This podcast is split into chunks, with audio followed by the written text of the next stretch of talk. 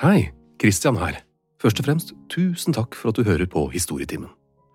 Det å lage disse episodene tar veldig mye tid, og hittil så har jeg jo bare kunnet gjøre dette her på fritiden og i helger og på kvelder. Og da blir det jo ikke så mange episoder i året. Men hvis jeg kunne gjort det på dagtid, da kunne det plutselig blitt en god del flere. Men det er jo avhengig av støtte, så derfor lurer jeg på følgende. Kunne du vært interessert i å betale en liten sum for å høre på Historietimen? La oss si 29 kroner i måneden, eller 49 kroner i måneden, eller ja.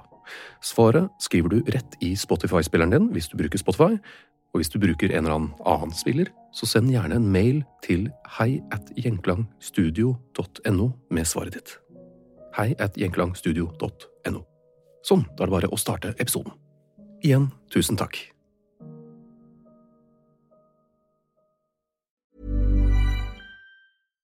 One size fits all seemed like a good idea for clothes Nice dress. Uh, it's a it's a t-shirt. until you tried it on. Same goes for your healthcare. That's why United Healthcare offers a variety of flexible, budget friendly coverage for medical, vision, dental, and more. So, whether you're between jobs, coming off a parent's plan, or even missed open enrollment, you can find the plan that fits you best. Find out more about United Healthcare coverage at uh1.com. That's uh1.com.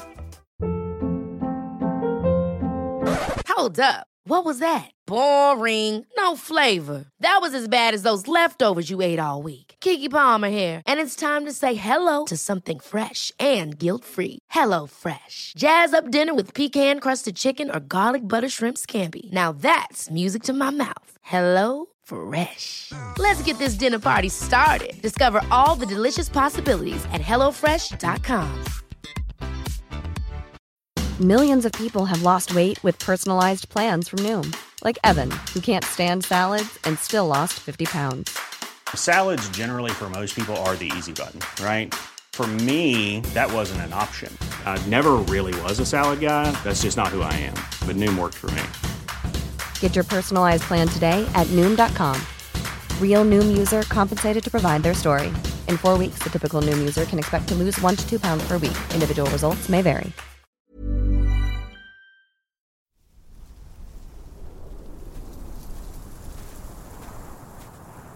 Først kom Fimbulvinteren, hvor snø kom fra alle kanter, med skarpe vinder, og ingen så sola. Det var tre slike vintre uten sommer imellom. Fimbulvinteren varslet ragnarok, da alt levende på jorden tok slutt.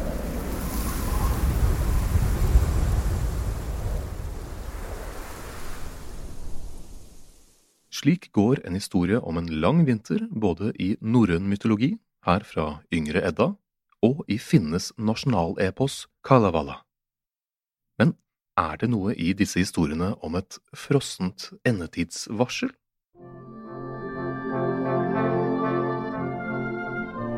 Historietimen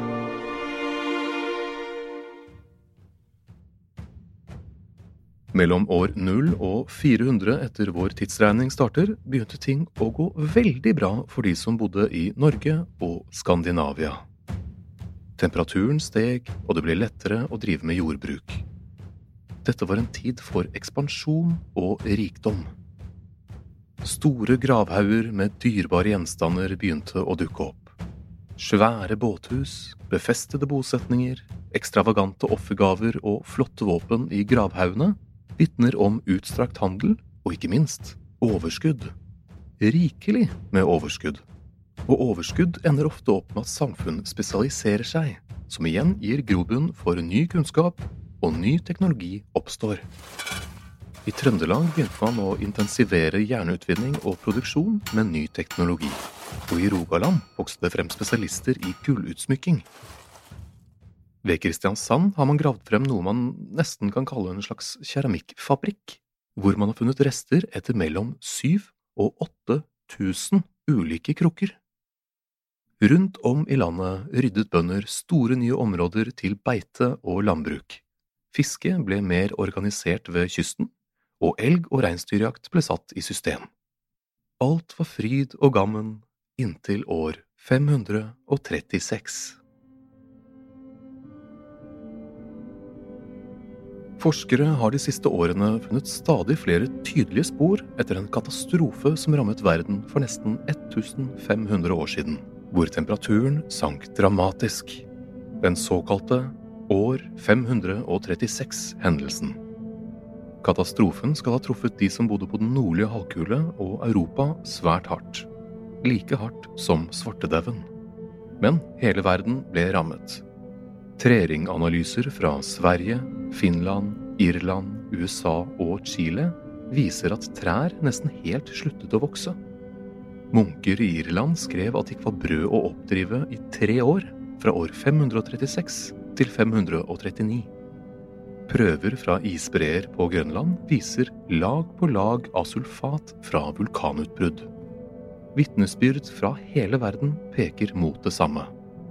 En global klimakrise. Temperaturen sank betraktelig, og det var sannsynligvis resultatet av ett eller flere store, veldig store, vulkanutbrudd mellom år 535 og 536. Først kom kulden. Partikler fra vulkanutbruddet føk opp i stratosfæren og gjorde at solen ikke slapp ordentlig til. Så gradestokken sank og sank, og ble til en tre år lang vinter. Så kom ekstremtørke. Og etter tørken, bare for å toppe det, kom det knusende flom. Og så, fem år etter, kom det et nytt vulkanutbrudd. Og seks år etter det igjen, enda et vulkanutbrudd. Og etter alt dette ventet en siste gavepakke. En av menneskehetens verste pester meldte sin ankomst på den store scenen for første gang. Nemlig den justinianske byllepesten, Yersinia pestis. Den samme typen som 800 år senere skulle komme seilende med et skip til Bjørgvin. For pest og plutselige klimaforvandlinger går hånd i hånd. Temperatur har nemlig en direkte innvirkning på store pestutbrudd. Det starter med bakterien Yersinia pestis, og det er gjerne rotter og andre gnagere som får skylden for smitten. Men de er bare uskyldige bærere, for de har blitt bitt av en lus som har bakterien i seg. Inne i lusen multipliserer bakterien seg helt til den til slutt blokkerer lusens fordøyelsessystem. Resultatet er at lusen ikke lenger får inn næring. Den biter og biter og spiser og spiser, men forblir like sulten. Igjen og igjen blir bakterien støtt opp inn i rottens blod under lusens fåfengte spiseforsøk, og rottene blir smittet. Når rottene selv bukker under på grunn av pesten, hopper lusen da i ren desperasjon over til hva som helst annet levende i søken på et måltid, og mennesker blir ofte inkludert i menyen. Men, og dette er det viktige, dette skjer ikke før temperaturen synker til under 25 grader, helst 23. Det er først da bakterien setter i gang blokkeringsprosessen inne i lusen for fullt. Og så klart, plutselige klimaforvandlinger har jo svært negativ effekt på eksempel jordbruk, som gjør at man produserer mindre mat, som ender med dårlig ernæring, som igjen gir dårligere immunforsvar i befolkningen. Og da passer det sjelden godt med litt pest. Denne pesten, den såkalte justinianske pesten, har fått navnet sitt fra keiseren Justinian, som på denne tiden regjerte over det østromerske riket fra storbyen Konstantinopel. En by som på denne tiden hadde 500 000 innbyggere. Vi vet ikke presis hvor hardt byen ble rammet, fordi etter at 250 000 innbyggere hadde mistet livet av pesten, altså halvparten av befolkningen, ga administrasjonen opp å telle. Så rimelig å tenke at den ble hardt rammet. Og fra den syke metropolen Konstantinopel spredde pesten seg med handelsveiene i alle retninger. Man er usikker på akkurat hvor mye Norge ble utsatt for pest på denne tiden. I beste fall ble lille Norge i nord spart for selve pesten, i motsetning til nesten samtlige andre europeiske land men den bidra uansett til at handelsnettverket i Europa kollapset. Og det kan ha vært mer enn nok for de som bodde i Norge, da det ikke bare var umulig å få produsert nok mat lokalt, men heller ikke mulig å få mat importert. For før pesten hadde vær og vind gjort mer enn nok harme her oppe i nord, hvor jordbruk var, og for så vidt fortsatt er, såpass klimasensitivt. Ok, nå kommer jeg til å bli litt teknisk her med en del tall, så det er bare å følge med. For å dyrke planter kan man se på noe som heter GDD, Growing Degree Days, eller døgngrader. Det er den gjennomsnittlige akkumulerte temperaturen som til sammen trengs for å få en plante til å blomstre. For korn er den målt fra den dagen temperaturen bikker seks grader på våren, til den synker under ti grader på høsten. I Trøndelag er den for bygg, en værhard og tøff kornsort, rundt 1250. Og det er da en langt mer moderne, robust og finjustert variant enn det de hadde for 1500 år siden. For kornsorten hvete må vi i dag opp på 1400 døgngrader, altså 150 mer. Så hvis du da et år har 1100 døgngrader, og du driver med hvete, da får du ikke høstet noe det året. Men disse døgngradene, altså 1250 og 1400, det er da som sagt for bygg og hvete i dag. Korn har blitt foredlet utrolig mye siden den tid. Så det var nok høyere summer som trengtes for 1500 år siden. Forsker Arne Stamnes ved NTNU har skrevet om hvilken effekt en liten temperaturforandring ville hatt på jordbruksbosetning i Nord-Trøndelag. Under episodeinformasjonen legger jeg ut kilder, så for de som er ekstra nysgjerrige, anbefaler jeg en titt på artikkelen hans. Rundt år 400 så var det godt og varmt i Norge, varmere enn i dag.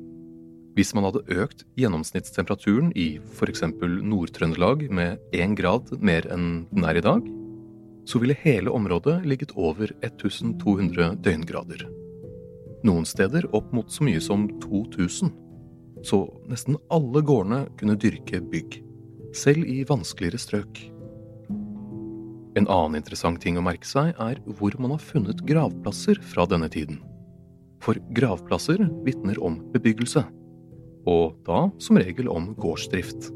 Og 99,91% av gravplassene man har funnet i Nord-Trøndelag, ville i år 400 ligget innenfor 1400 døgngrader. Det er mange, og heller ikke unaturlig. Men hvis vi istedenfor pluss én grad sier minus én grad, ville bare 14,22% bikket over 1400 døgngrader, altså der man kan gro korn. Det er et gigantisk fall, spesielt med tanke på at nesten hele befolkningen drev med jordbruk, så enten som hovedgeskjeft eller ved siden av jobben som smed eller hva enn annet det skulle være. Og med tanke på hvor viktig korn var som matkilde på den tiden, da fikk man ikke mat, rett og slett. Dette blir en litt rar sammenligning, men vi lever i en helt annen tid og verden. Det er ikke sånn at hele den norske befolkningen i dag er bønder. Så jeg prøver. Tenk om plutselig bare 14,22% av befolkningen hadde jobb. Og siden åkeren din var ved siden av boplassen din, tenk om bare 14,22% av fylket eller byen du bor i, var beboelig.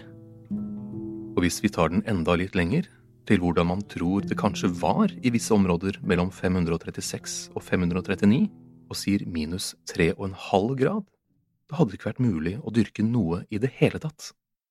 Og minst 60% av energien man fikk inn, var via korn. Så hva skjer når så få plutselig kan produsere mat? På den andre siden av Atlanteren var det heller ikke rosenrødt. I Mellom-Amerika ble den overlegent største byen forlatt. Teotihuacan i dagens Mexico hadde 125 000 innbyggere. Arkeologer har lenge studert gamle gravplasser i området, og i denne perioden var rundt 70% av de omkomne barn og unge. De fleste med tydelige spor av sykdom og underernæring en generasjon bare forsvant. Prøver tatt fra Yucatan-halvøya viser at området på midten av 500-tallet ble truffet av en 30 år lang tørke. Treringanalyser fra Chile og California viser en drastisk reduksjon av trevekst fra slutten av 530-tallet. Og en studie av elveleier i Colombia viser at perioden var den tørreste på 3000 år. Hjemme i Norge stoppet gravene å være fylt med rikdom. De prøvde først å lette på gudenes sinne ved ofringer, og ofret det de hadde igjen, inntil de ikke hadde mer å gi. Gårder ble fraflyttet, og de nye områdene som ble ryddet til jordbruk, de grodde igjen, og ble aldri brukt til jordbruk igjen. Det var dog regionale forskjeller med tanke på alle de ulike faktorene som spiller inn, så ikke alle områder ble like hardt truffet, men steder vi vet ble rammet hardt, var Rogaland, Agder og Trøndelag. Keramikkproduksjonen ved Kristiansand avsluttes, og jernproduksjonen i Trøndelag og gullproduksjonen i Rogaland stoppet brått opp, og teknologiene som ble benyttet, ble glemt. Verden rundt smuldret de gamle rikene opp, og nye oppsto. Det ble kamp om ressursene som var igjen, og folkegrupper vandret utrolige avstander for å finne seg et sted de kunne leve. Samfunnsstrukturer ble revet ned og nye bygget opp. Nye eliter oppsto, samt nye måter å overleve på. Temperaturen i Norge holdt seg lav til rundt år 600, altså i 64 år. Hva om det samme hadde skjedd nå? Altså, plutselige temperatursvingninger, tørke og flom, det skjer jo. Mange av oss husker kanskje tørken vi hadde i 2018. Den kostet norske bønder mellom fem og seks milliarder kroner, og korn og dyrefòr ble vanskelig å få tak i. Og ikke for å undergrave alvoret av den tørken, altså, men tenk om vi i morgen våkner opp til et gigantisk vulkanutbrudd et eller annet sted i verden. Eller to? Eller tre? Hva om den påfølgende klimakrisen varte i 64 år? Vi har jo teknologi, kunnskap og verdensspennende kommunikasjon å støtte oss på. Langt mer enn en stakkars bonde for 1500 år siden hadde. Men det ville uansett garantert ikke vært nok til alle. Det er bare å huske tilbake til 2018 for å se hvor skjørt alt er. Samtidig er det hungersnød mange steder i verden allerede. Hvilke steder vil bli hardest rammet? Ville det blitt krig over ressursene? Hvem bestemmer hvem som skal få hva? Mange av oss hadde sikkert overlevd, men til hvilken pris? Nei, det er bare å krysse fingrene for at én finnbullvinter var nok.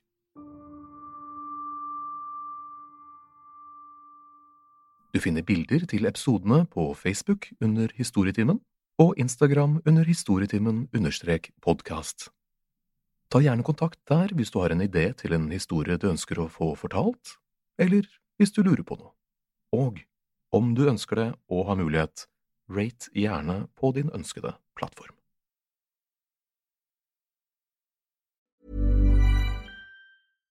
Hi, I'm Daniel, founder of Pretty Litter. Cats and cat owners deserve better than any old fashioned litter. That's why I teamed up with scientists and veterinarians to create Pretty Litter. Its innovative crystal formula has superior odor control and weighs up to 80% less than clay litter.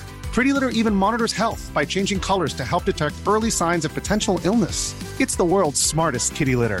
Go to prettylitter.com and use code ACAST for 20% off your first order and a free cat toy. Terms and conditions apply. See site for details. Ever catch yourself eating the same flavorless dinner three days in a row? Dreaming of something better? Well, HelloFresh is your guilt free dream come true, baby. It's me, Kiki Palmer. Let's wake up those taste buds with hot, juicy pecan crusted chicken or garlic butter shrimp scampi. Mm. Hello Fresh. Stop dreaming of all the delicious possibilities and dig in at HelloFresh.com. Let's get this dinner party started.